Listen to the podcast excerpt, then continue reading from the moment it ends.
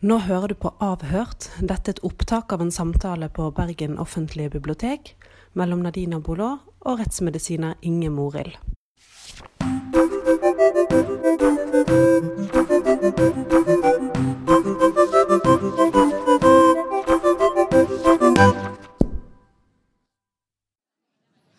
Hallo, alle sammen. Velkommen til Bergen eh, offentlige bibliotek. Det er jo premiere på en eh, ny serie i dag. Dette er Avhørt eh, nummer én. Og jeg ble veldig glad da eh, journalist og siviløkonom eh, Nadina Bolot tok kontakt med meg og eh, var interessert i å lage en serie som skulle grave i grave og finne mer ut av hvordan det jobbes med kriminalsaker. Da gjenstår det bare å gi en varm applaus eh, til eh, Nadina og hennes første gjest, som hun skal presentere mer grundig. Vær så god. Takk.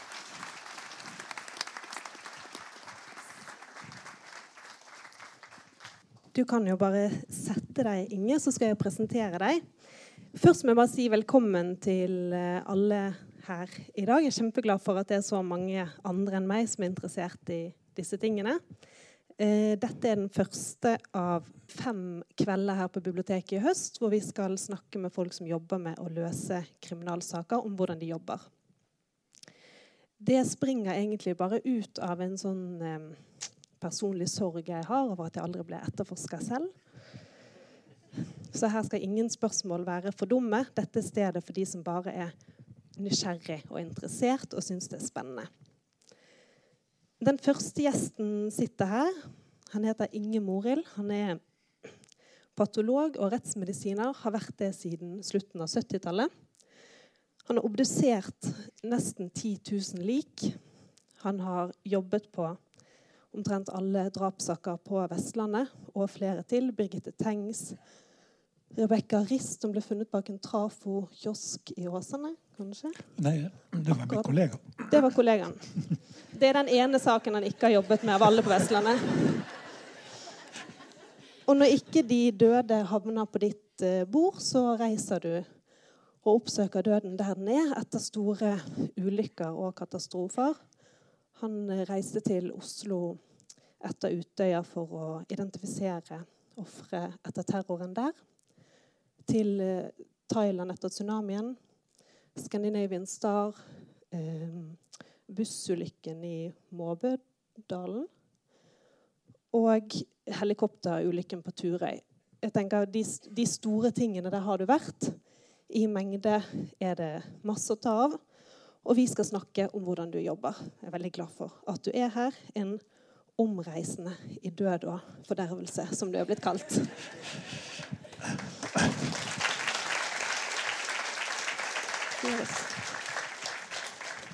Jeg har smakt.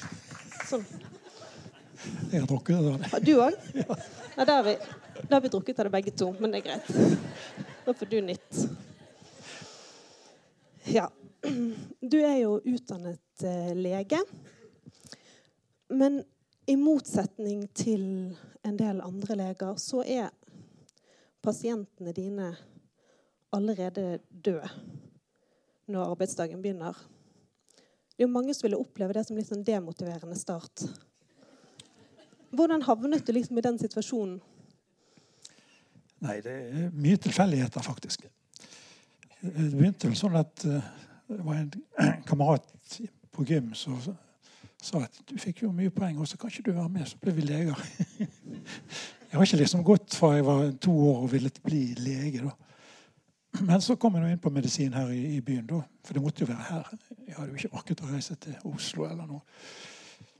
Og så var jeg ferdig der, og så tok jeg turnustjeneste, og så var det militær oppe i Nord-Norge. Og så satt jeg der og tenkte nå må jeg komme meg hjem igjen til byen. Og da så jeg på stillingsannonsen og fant en stilling på patologen. Ja, OK, begynner der. Reiste ned, og siden har jeg vært der. Så det var litt, kanskje litt dovenskap at man ikke gidder å skifte. Men samtidig så var det jo interessant med patologi. Alt det man kan se i et mikroskop. Og sånn.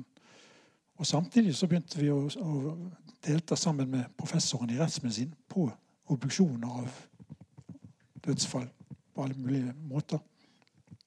Og Det da ble i grunnen ganske interessant. så jeg, jeg var mye med på de tingene der. Men så var det samtidig sånn at som assistentlege den gangen så kunne du bare være en fire eller fem år under utdannelse på samme sted. Så måtte du enten bli overlege et eller annet sted, eller i hvert fall flytte på deg. For du fikk ikke beholde stillingen. Men akkurat da fikk professoren opprettet en stilling til i rettsmedisin.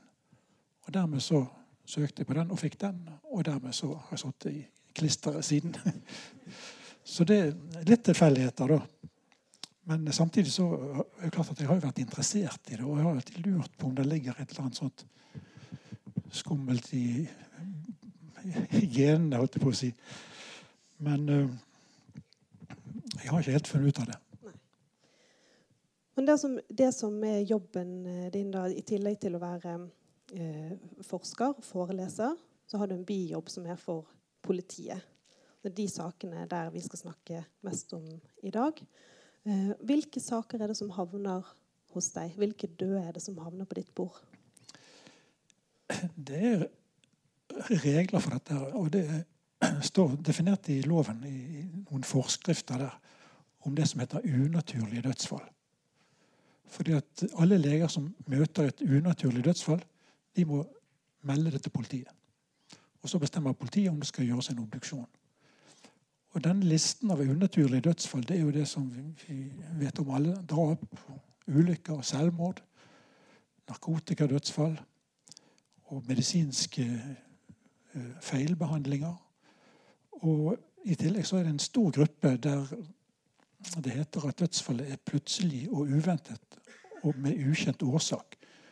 Og det er det vi har mest av. For det er alle de som blir funnet døde hjemme rundt omkring i byen eller andre steder.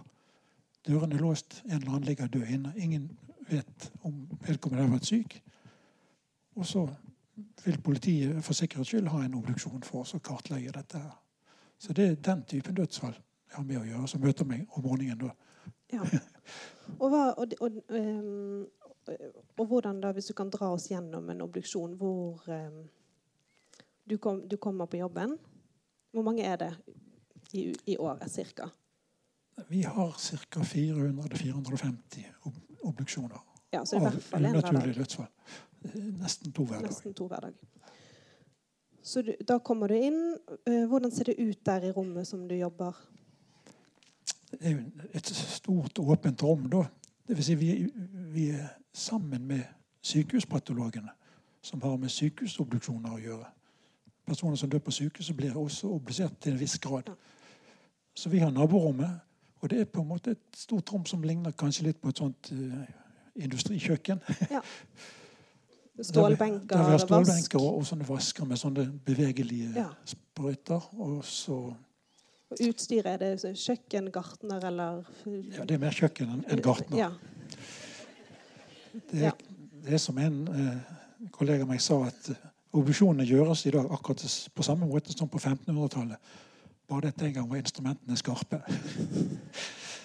Så det er kniver og pinsetter og, og, sakser det går i stort sett. Og, ja.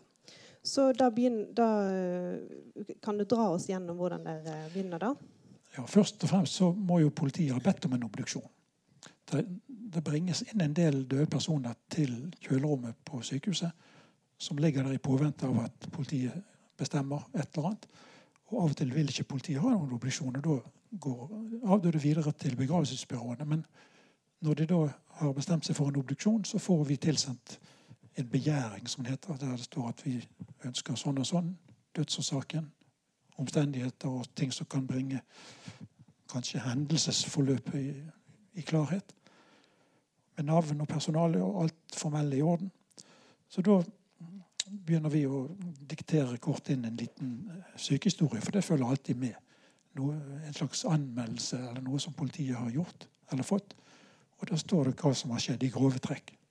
Så da har vi en liten peiling. Vi danner oss ofte en liten sånn uh, bilde, eller vi tror liksom at det kan være sånn og sånn. Men i hvert fall så ligger avdøde på en benk, brakt inn av et begravelsesbyrå. og blir kjørt inn fra kjølerommet og direkte inn i dette obduksjonsrommet. Eller obduksjonssalen, som vi kaller det for. Det Eller stuen, heter det forresten. stuen? Du kommer inn i stuen, og da er klærne på eller av? Det spørs hvordan vedkommende hadde. Hadde han klær på, så, så han er akkurat sånn som han ble funnet på stedet. Ja. Og da har jo ofte klær betydning. Sånn at uh, klærne ble jo inspisert om det er skader, blod eller sånt, hvis det er en litt alvorlig hendelse. Og så blir de undersøkt av oss og stort sett kastet. Og det er fordi at for det første så er det lettere å ta av en person klær som er klippet opp, enn ellers. Og i tillegg så er det veldig få som har det vist seg, velger å, å gå i klær som en død person har hatt på seg. Så veldig ofte blir de kastet. Uh, ja.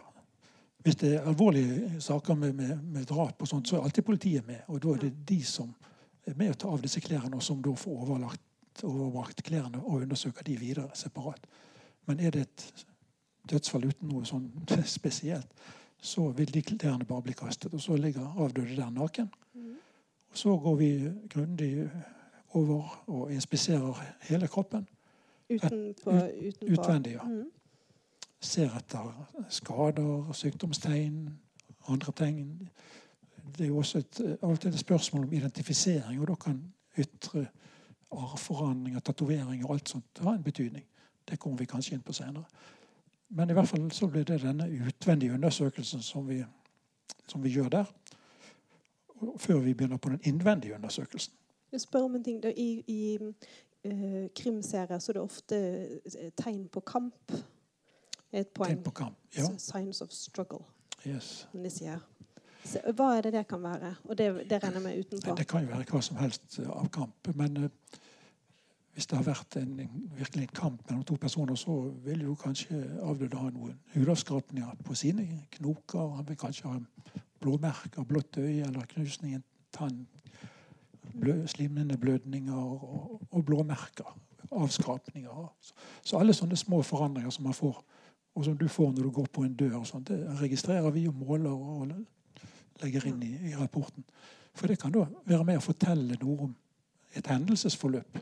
Ja. Sånn at bitte små detaljer Det kan være en kantet liten hudavskapning. Så litt spesiell. Hvorfor har han en kantet hudavskapning? Jo, han må ha truffet en spesiell gjenstand. Så, så selv de minste detaljer kan ha mye å si. Så vi forsøker å få med oss alle sånne ting. Og, og, og registrere det på en diktafon Ja, Vanligvis så dikterer vi den. Vi fotograferer, fotograferer litt på egen hånd også, hvis det ikke politiet er med. Og har det liksom en slags huskelapp. Eller kanskje vi skisser det inn på en liten eh, blokk, tegneblokk. Som da vi legger ved, som vi har og, i bakhånd hvis det skulle bli noe mer snakk om det. Og så etter dere har inspisert utenpå, så åpner dere opp og går inn? Ja, og da har vi jo hjelp av våre autopsiteknikere, som er bioingeniører, som, som hjelper til med å åpne kroppen og ta ut alle de indre organene. Og det høres jo fælt ut, og det er jo litt fælt for de som ikke har sett det før. Det, men vi, vi skjærer altså opp kroppen i et litt sånn korsformet snitt, der vi åpner hele buken og brystet. Også med sag, som jeg glemte å si i sted. i tillegg til pinsett. For dette det er bein som vi må gjennom, og da eh, må det til en liten sag. Og så blir alle disse indre organene tatt ut. Ja. Da har det åpnet opp sager Er det ribbe her liksom Ja. det sages? Og brettes opp som en jakke? Ja. Ja. Det, er, det for, eh, er det ikke for ekkelt, eller er det greit at vi er så detaljert? Ja, ok, bra. Ja.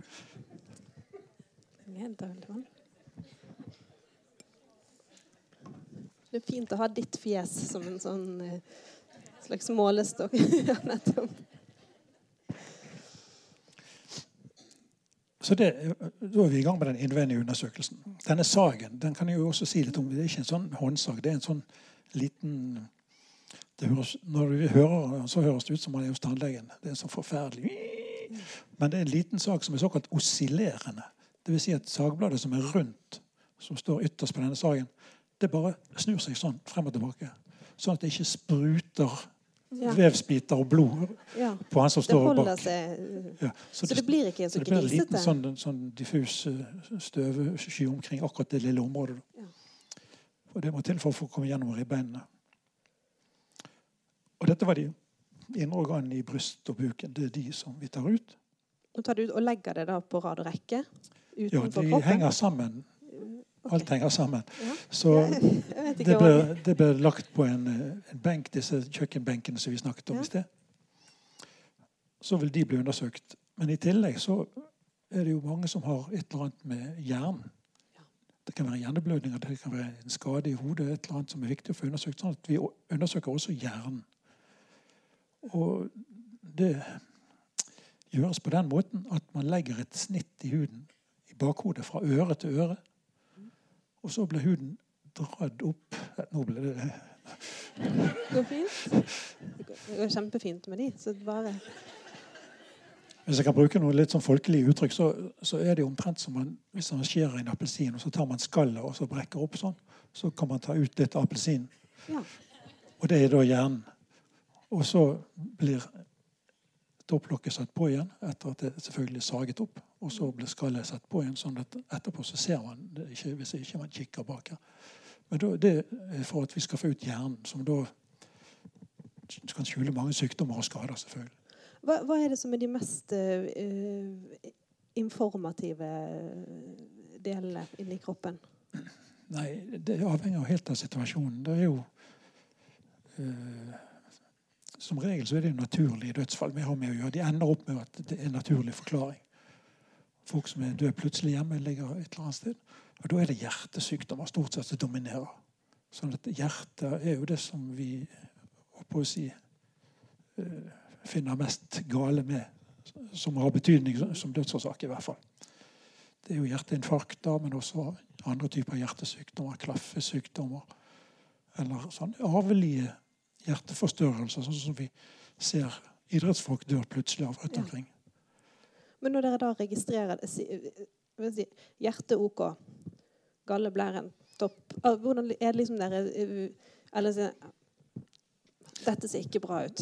Hvordan er det registrert? Hvordan, liksom, hva ser dere etter, og hvordan registrerer dere eh, når det er noe mystisk? Det er jo liksom en sånn normal beskrivelse vi har. Altså vi skuler litt til at hjertet først er det vekten, og så er det størrelsen, og så er det formen. Hva veier det, Et hjertet? hjerte veier en halv prosent av kroppsvekten. Ja. Så hvis det, jeg er 60 kilo Så skal hjertet veie 300 gram. Okay. Sånn at uh, et halvkilo kan det veie godt. Altså. Ja. Nesten, nesten, i hvert fall. Ja. Men ikke mer enn det. Fordi at hvis man er 120, 30 eller 50 kilo, så skal ikke hjertet være mye større, for da- betyr det at det er sykelig. Men det er hjertet som er det vi finner mest som dødsårsak.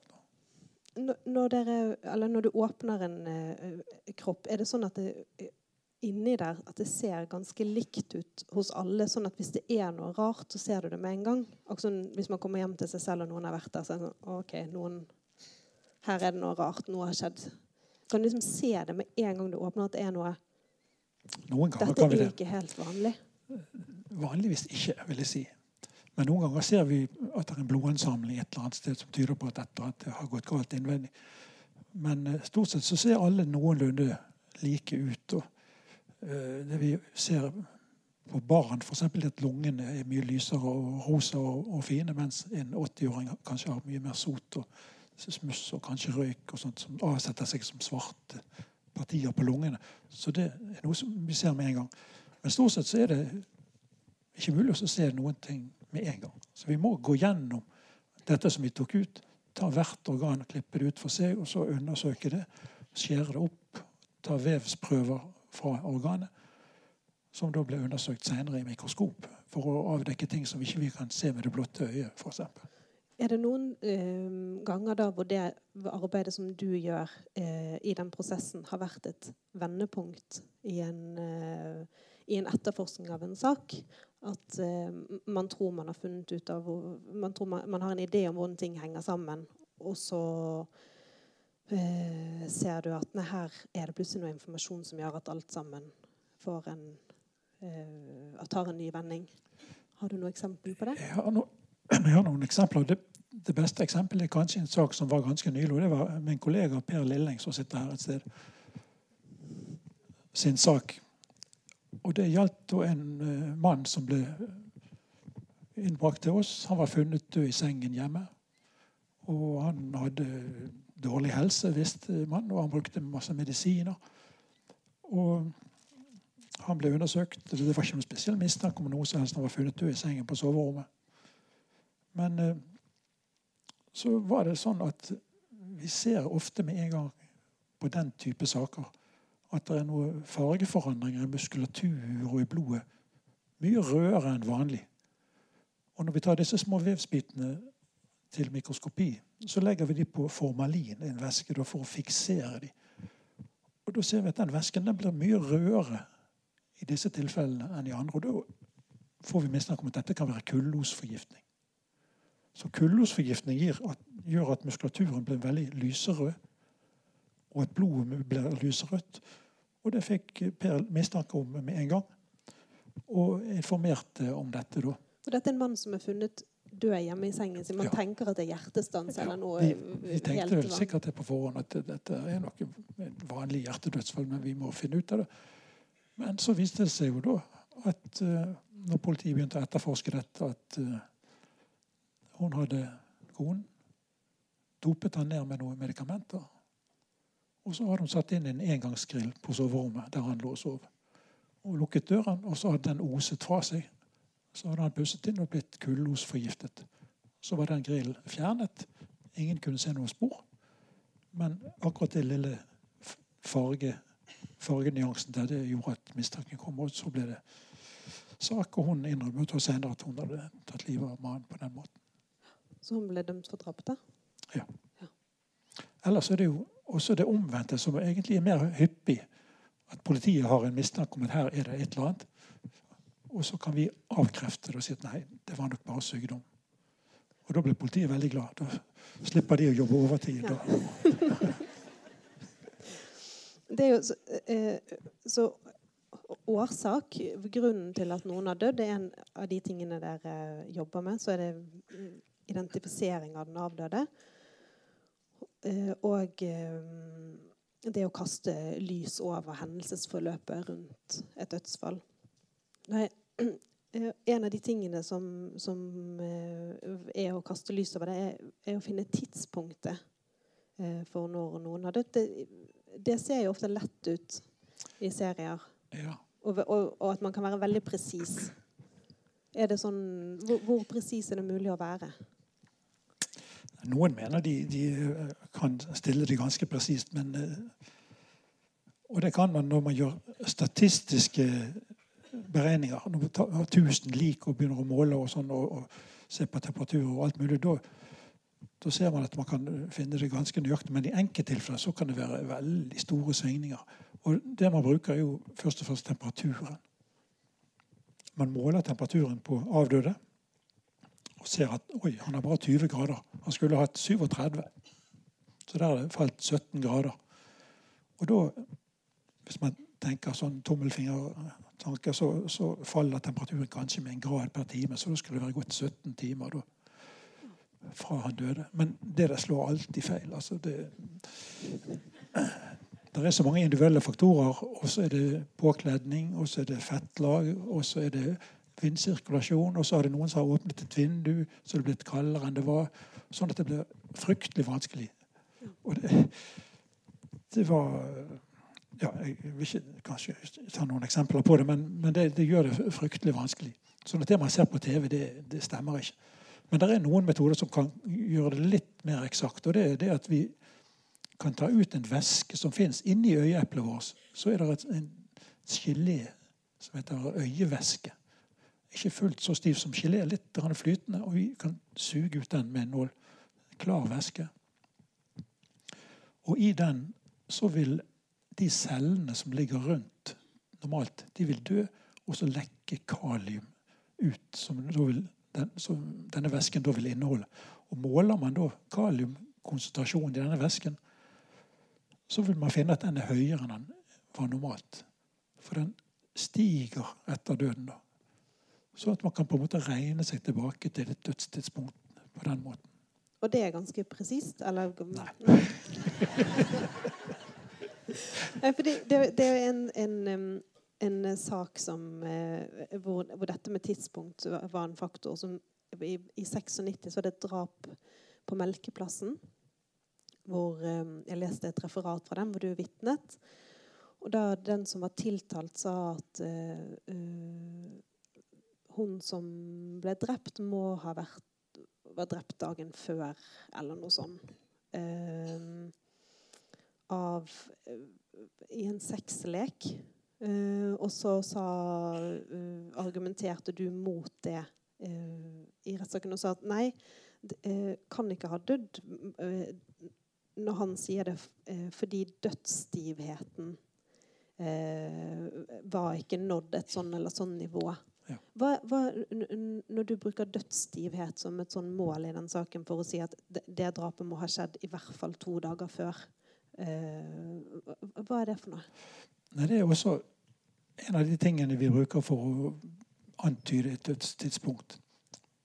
Eh, vi kan kanskje si litt om dødsstivhet og, en annen ting også som heter dødsflekker.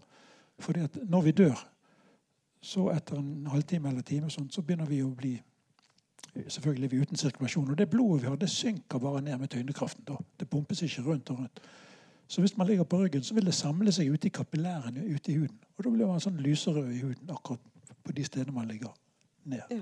Hvis man skulle være så uheldig å henge et tau rundt halsen, så vil man få disse dødsflekkene i hendene og føttene, og ikke på ryggen. Det, hva, hvordan ser de ut, de dødsflekkene? De er sånn eh, ja, rødfiolett. Ja. Du har litt av samme fargen i kjedene. men, men det er helt naturlig. Ja, Men, det er Men så- det er helt naturlig. men så kan man altså bli over hele den delen av kroppen som ligger ned. Og Der er det også en sånn utvikling at det først starter det bitte litt, og så øker det på til det blir maksimalt. Og da kan man si at her er maksimalt utbredt dødsflekker. Da må det ha gått minst seks timer, f.eks. Og det samme med denne dødsstivheten, som er det at musklene de stivner. De blir etter hvert helt stive i alle ledd. Og det blir fryktelig vanskelig å bevege på dem. Altså, hvis jeg hadde dødd akkurat her, sånn, så, så Så blir jeg som en sånn, stol ja. etterpå når man skal løfte meg Ja, opp. og Da ville du vært veldig vanskelig å få inn i en likpose, f.eks. For, Ja. for du ville vært helt sånn og måtte hjulpet litt til. Må knekkes opp da, Ja, rett og bli slett. Mm. Og det knekkes opp høres jo fælt ut, men det, man brekker litt opp av, av, av disse musklene som er stivnet. Og man knekker ikke og river ikke av noen ting. Og sånn. Men det, det er et, faktisk et problem hvis man dør i en bil for eksempel, og sitter bøyd over rattet, og sånn, og så, så kan det være vanskelig. Så, men den dødsstivheten også, som du var, som var årsak til spørsmålet, den er sånn at den kommer etter et par timer. Etter at man er død, da begynner den å komme, og så øker den på til, den er helt maksimal. Etter kanskje 6-10-12 timer, der temperatur og alt mulig spiller en rolle. Så holder den seg et par døgn, eller kanskje to døgn, og så begynner den å avta igjen. Og det må ha vært noe sånt jeg har sagt den gangen, fordi at det manglet kanskje dødsstivhet. Da var den gått ut igjen kanskje allerede. Da må det Da må det i hvert fall ha gått to Noe døgn uh, før uh, den ble funnet. Er det uh, andre måter man kan prøve å anslå en tid for når noen har dødd? Er det andre verktøy man har Til vanlig så er det disse tingene her. Mhm. Men, men de kommer vi til Ja, vi nå. til. Ja, fortell om fluelarvene. Fluelarvene det er jo et eh, område for biologer, da, eller såkalte entomologer, som driver og spesialiserer seg på insekter. Men det har hendt at vi har gjort en sånn undersøkelse her også, fordi at når det ligger en død person et sted, så kommer det fluer på liket. Hvis ikke det er lukkede vinduer og sånt. Og, og ute i naturen så er de der med en gang og legger egg fordi at ungene skal få mat når de vokser opp. Og disse små eggene de blir til larver som ligger og spiser på døde personer. Hvis man bare ligger hjemme en dag eller to og tre, så gjør det ikke noe. Men ute i naturen så kan det gå ganske friskt for seg. Og disse fluelarvene de vokser og blir større og større, kanskje en centimeter halvannen. Og hvis man tar en sånn, så kan man gå til en sånn entomolog på universitetet her nede i byen og så spørre hva slags fluelarvetype er dette. Jo, da sier han at det er en, en type av kaliforida, sånn og sånn. Og dissekerer den, og så sier han at ok, det er den typen. Som ifølge dette skjemaet her utvikler seg med den og den hastigheten av sine larver ved den og den temperaturen. Sånn at et egg som er lagt sånn, vil bli til en 1,5 cm larve etter så og så mange døgn. Så kan man regne seg tilbake. Hvis fluen har lagt egget akkurat da. Vanligvis er det sånn at fluer legger ikke egg om natten. Blant annet. Så må man kanskje legge til et, et halvt døgn. Eller så må man se om uh, muligheten kanskje, noen, kanskje, det har vært stengt, og så har noen åpnet døren, og så har fluene kommet inn etter to døgn. et eller annet sånt. Men de kan altså brukes. Spesielt nede på Hawaii, der det går veldig raskt, og det kommer fluer og insekter med en gang. Der er de spesialister på dette. her. Men vi det, bruker det sjelden. Det er vanlige, vanlige fluer? Så, såkalte spyfluer. Så de, de, heter det på fagspråk. Men det er sånn vanlige fluer som vi ser? Ja, det, ser, altså, du ser de sånn blålilla, flotte, sånn ja. grønne. Og, så de surrer rundt oss til vanlig og venter på at vi skal dø? Ja, de bare sik sikler Det er det de lever av, stakkar. Ja, så de venter. Mm. Men det koster jo ikke en rå Jeg, altså. Hver gang vi har hatt en sånn død person inne som kommer fra en eller annen fjord full av laver, så beveger jo alt seg. Og det, det er ganske heftig. Bare se at, at nødutgangen ikke er blokkert. Men det er, fint, det er, fint, å høre at det er noen ting du syns er litt ekkelt òg. Ja, det er ekkelt. Eh, men disse her, de må vi jo få vekk. Men med en gang de får lys på seg og blir avdekket, så vil de pile til de mørkeste stedene. Og de klarer å lure seg inn i kroker og sånt oppe på stuen. Sånn at etter, og vi gjør så godt vi kan, spyler og støvsuger og all verden sprayer. Men etter et par dager så Så, så er de det? Ja. Nå, hva gjør dere da for å bli kvitt Eller Må du bare leve med det? Ja, du har Gå for klassikeren. Ja. Um, er det noe i, i um, mageinnholdet dere ser på for å bestemme et tidspunkt? Eller kan det, det kan, kan gjøres. Det er nokså unøyaktig. Da, men i drapssaker så vil alltid mageinnholdet bli tatt vare på, i hvert fall observert. Hvis det er noe, da. Ofte er det jo ingenting. Ofte er magesekken tung, men tom. Men eh, normalt så er det sånn at når man inntar et måltid, så, så vil mageinnholdet forsvinne over i tarmen, tynntarmen, tolvfingertarmen, tynntarmen etter en time eller to, eller sånn, avhengig av størrelsen på måltidet. Men hvis magesekken er full, så har kanskje personen dødd innen to timer eller noe. Så det kan man på en måte bruke da. Men også der så er det sånn at eh, det er litt i det blå. Og en av tingene som virker inn på det, er psykiske påkjenninger. For det kan på en måte lamme denne peristaltikken og tømningen av magen. sånn så Hvis man har vært utsatt for en voldsom episode, så, så vil kanskje magenholdet bli der selv om det burde vært basert. Og da blir man lurt hvis man godtar ja, hvis man går for det. Er det andre sånn um, At man har vært under stress eller press eller sånne ting, kan man på noen måte måle det? Nei, det, det, det finnes jo sånne stresshormoner og sånne ting, men det, det, tror jeg ikke er mulig å måle sånn etter døden. Det tror jeg ikke. Vi har aldri gjort noe sånt i hvert fall. Men um, alkohol og narkotika, ja. de tingene måler Det er standardmåling av det? Ja. Og det sa jeg ikke. Men når vi har åpnet denne kroppen, så tar vi en blodprøve, og vi tar en urinprøve hvis det er det. Og så vil de bli sendt til Oslo. Før var det Folkehelseinstituttet, nå er det flyttet til Oslo universitetssykehus. Toksikologisk avdeling. Og De undersøker da blodet med tanke på alt som fins av alkoholtyper, narkotika, medikamenter eller andre gifter.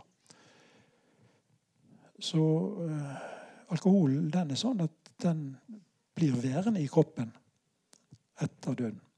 Synker kanskje lite grann i konsentrasjon, men tar man en blodprøve to uker etter at en person er død, så får man en promille som er omtrent den som fantes på dødstidspunktet. Ja, nettopp. Men det, kan man se om noen har øh, hatt et alkoholproblem, eller at det bare var den akkurat dessverre rett før den døde at Når det gjelder alkohol, så si noe om det. Eh, ja, altså, Når det gjelder alkohol, så er det jo sånn at alkoholikere ofte får leversykdom. Ja. Så hvis det er langvarig og tung bruk av alkohol, så får de fettlever. Da ser leveren ut som en pakke smør. I hvert fall blir den gul og feit. kan du si. Ja, så du ser på sånne andre Ja, og da kan vi si oi, se her.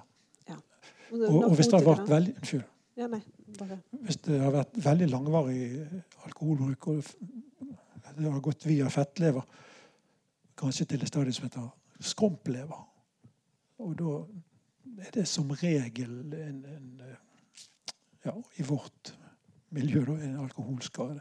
Ja. Det kan være sykdommer som lager lever, skrumplever, selvfølgelig.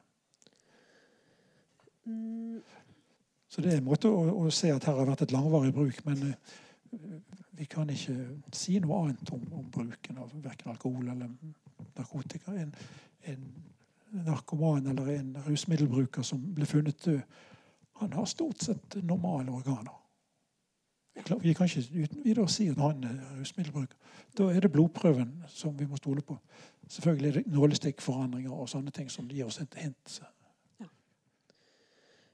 Um, jeg har lyst til å snakke litt om eh, identifisering òg, for det er jo også en del av din um, jobb. Um, da hvilke, hvilke ting er det som er på en måte god, godkjent identifisering? Altså, sånn formelt så er det, er det egentlig bare tre ting. Og det er det denne identifikasjonsgruppen i Norge som har definert. At for å få en formell identifisering av en død person, så skal det foreligge enten fingeravtrykkidentitet, odontologisk identitet, altså tannlegeforandringer som nå finnes igjen, som er karakteristisk, eller DNA-match.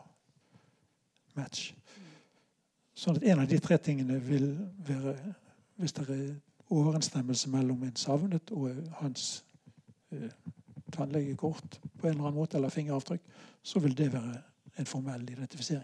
Det kan jo selvfølgelig ikke gjøres på alle som ligger død rundt omkring på sykehjem eller bak en leilighet et eller annet sted. Sånn at Stort sett så godtas det jo sånn når man finner en død person på den adressen, og naboene sier at ja, men det er jo fru Olsen. Og, og sånn, sånn at eh, stort sett så i vanlige saker så tar man den identiteten for god fisk. Men ved store katastrofer, branner, eh, svær forråtnelse lik har ligget lenge, da må man til med denne formelle identifiseringen. Og da er det de tre tingene der som man bruker. Branner, svære forråtnelser. Fingeravtrykkene fins ikke lenger. Da er det tannforholdet. Altså det at tannlegen undersøker tennene. Vår tannlege, som er rettsodontolog og jobber vegg i vegg med oss. Så må vi ha en pekepinn på hvem dette kan være. For det er alltid, nesten alltid en mistanke. Og da blir det ringt til vedkommendes tannlege. Som da blir spurt har du tannkort på en som heter sånn og sånn. Ja, jeg skal se i arkivet. Jo, kan du være så snill å sende det til oss på mail eller et eller annet elektronisk? Ja da, så ble det gjort. Og da sjekker tannlegen vår om tannkortet til den pasienten er det samme som liket. Ja, og Basert på tannstilling og sånn? eller det er noen ting som er- Tannstilling, fyllinger. Alle fyllinger de blir skravert inn og tegnet sånn som de er. Og I tillegg så er det røntgenbilder som er helt karakteristisk. For alle disse tannfyllingene de er ulike hos de enkelte. Mm. Så det er én kriterium. Fingeravtrykk er jo ett som politiet bruker. da. Men nå er det jo ikke alle av oss som er registrert med fingeravtrykk, får vi håpe. da. Det er noen her, det vet jeg. Men eh, for dette, hvor har vi fingeravtrykket? Jo, det har vi kanskje hjemme i huset. Så finner man et lik i Thailand med et fingeravtrykk, og så går man hjem på hybelen i Fyllingsdal der man tror avdøde bodde, og finner det samme fingeravtrykket på speilet på badet. Så må det være samme person. Var det sånn dere jobbet etter eh, tsunamien i Thailand? Ja. Det var, det var en, en del som ble gjort på den måten der. Hva var det som var Hvis vi kan eh, snakke litt om det arbeidet der. Uh, der var jo et enormt omfang og ganske spesielle forhold å jobbe under. Hva var det som var liksom utfordringene der for å identifisere Nei, det var store utfordringer. Og jeg var jo nede ganske tidlig før, før nyttårsaften. Dette var jo andre juledag. Og, og kom til et sted Der lå det 1000 lik på bakken utover. Som alle var begynt å bli forråtnet. De var mørke i huden, oppblåste. Kunne ikke se om det var en hvit eller mørkhudet person. Så det var, det var jo en kjempeutfordring. Og I tillegg så var det varmt. De lå i solen. Det var fuktig. Og så, Sånn at det var mange utfordringer. Og så hadde man da ikke peiling på, på, hvem det var. For det gikk en god tid før det begynte å komme inn savnetmeldinger. Ja. Så, så du var der primært for å identifisere de norske? Eller var det et stort internasjonalt samarbeid for å ta alle? Ja, egentlig så var det et stort internasjonalt samarbeid. For det, det går ikke an å plukke ut de norske. Så vi begynte bare på den første og den beste og registrerte det som kunne gjøres av høyde og vekt og kanskje hårfarge, arr, tatoveringer. Og så kikket vi litt innvendig om kanskje det var galleblære som var fjernet pga. det arret der, eller en blindtarm.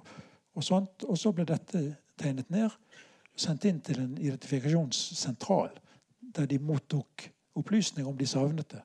Og så selvfølgelig fingeravtrykk ble tatt hvis det var mulig.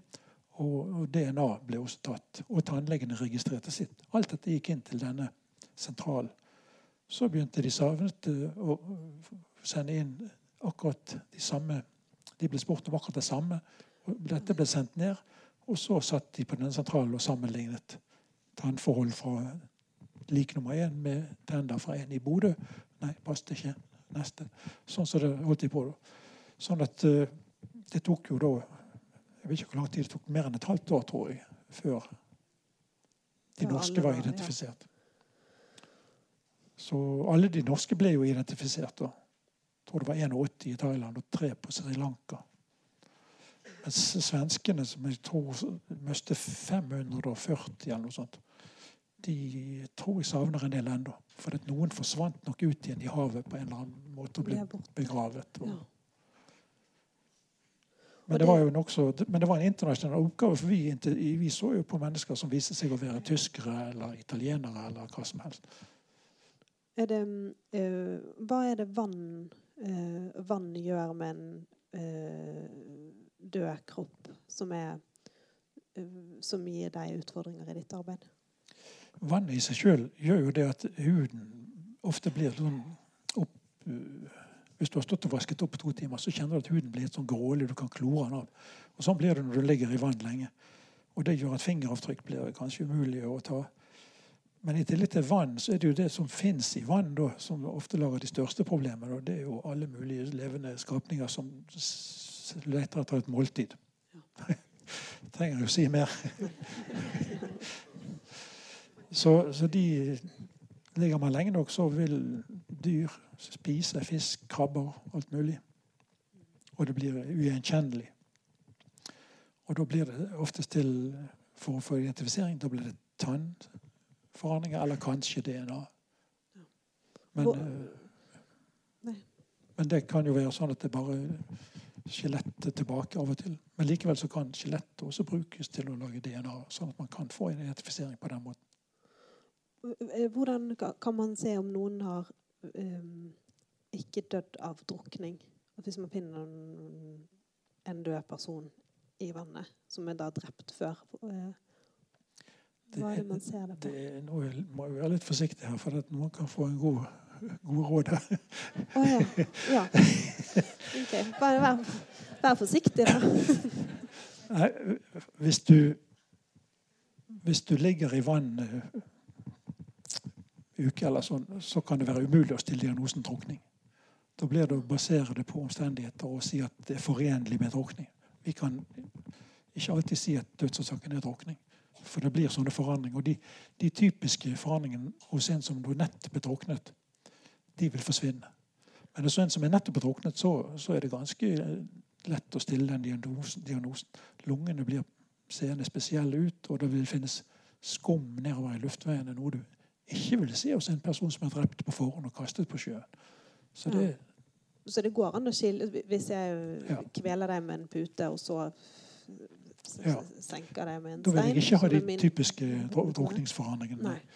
Forutsatt at du tar meg opp igjen, eller noen tar meg opp igjen etter kort tid. Men det går det en uke eller to, så Så er det vanskelig? Ja. Ja. Og, og hvordan er det med brann? Kan man også skille Ja. Brann er jo også veldig vanskelig hvis det har vært svær varme og forkulding og sånt. Man kan selvfølgelig glemme fingeravtrykk og sånt når det gjelder identifisering. Og en som er kvalt, vil jo ikke ha noen forandringer, for huden er oftest bortbrent. Så i de tilfellene der så kan vi likevel finne ut om vedkommende har vært i live eller ikke. Fordi at de som har vært i live under en brann og dødd i en brann, de vil ha pustet inn røyk. Og da vil det avsette sot nedover i luftveiene. Og i de, de luftveiene vil som regel være tilbake i en viss grad. Så da kan man se at det er sot ned i luftveiene. Det betyr at av det du har pustet, eller Ja. den vedkommende har pustet i brannen. Men hvis du blir skutt eller kvalt, lagt i brann, huset tent på, så vil du ikke ha sot nedover i luftveiene. Og det har vi hatt flere tilfeller av. Når man ser at det er bare en, en- noen er drept først, og så eller, Ja. ja. Så da må man finne dødsårsaken. Men en kvelning det kan være umulig å fastslå. Man må, kan bare fastslå at vedkommende må ha vært død på forhånd. Og Så er det opp til politiet å nøste opp og få tak i en gjerningsmann. Um, bare på, i, i, um, på TV og i egentlig bøker og sånn så, så, eh, så er liksom volden og drapene som blir gjort, ofte veldig kreative. Men det virker som når man leser om virkeligheten, at de drapsmennene Der er det mye det samme. Ja, eh, vi er Det er også farlig å si, men vi er litt skuffet over det. Når vi leser Nesbø sine bøker, så tenker vi ikke Sånt har aldri vi. Men eh, det er jo sånn at veldig mange drap blir begått i affekt. altså Det er ikke langvarig planlegging. og sånt. Det var hun ute på Sotra der som forsøkte på en god måte å få Men eh, ble tatt likevel. Men det er langt mellom de planlagt drapene som da Tror jeg, da. Det kan være vi har oversett noen. Men det er ikke så mye sånne mm, finurlige Nei, måter å gjøre finurlig. på. Det er stort sett knivstikk i kroppen på en eller annen måte. Eller stumpvold slått med en eller annen gjenstand. Og sånn. Ja. Så det er ikke så veldig raffinert. Det må jeg si. Nei. Tusen takk for, eh, til deg, Inge. Jeg var veldig veldig takknemlig for at uh, du kom. Vi skal ha en ny eh, kveld alle dette 4. oktober. Da kommer rettspsykiater Jon Geir Høiersten. Så da skal vi holde oss litt mer inni hodet, ikke så mye i kroppen. Så da håper jeg dere kommer tilbake.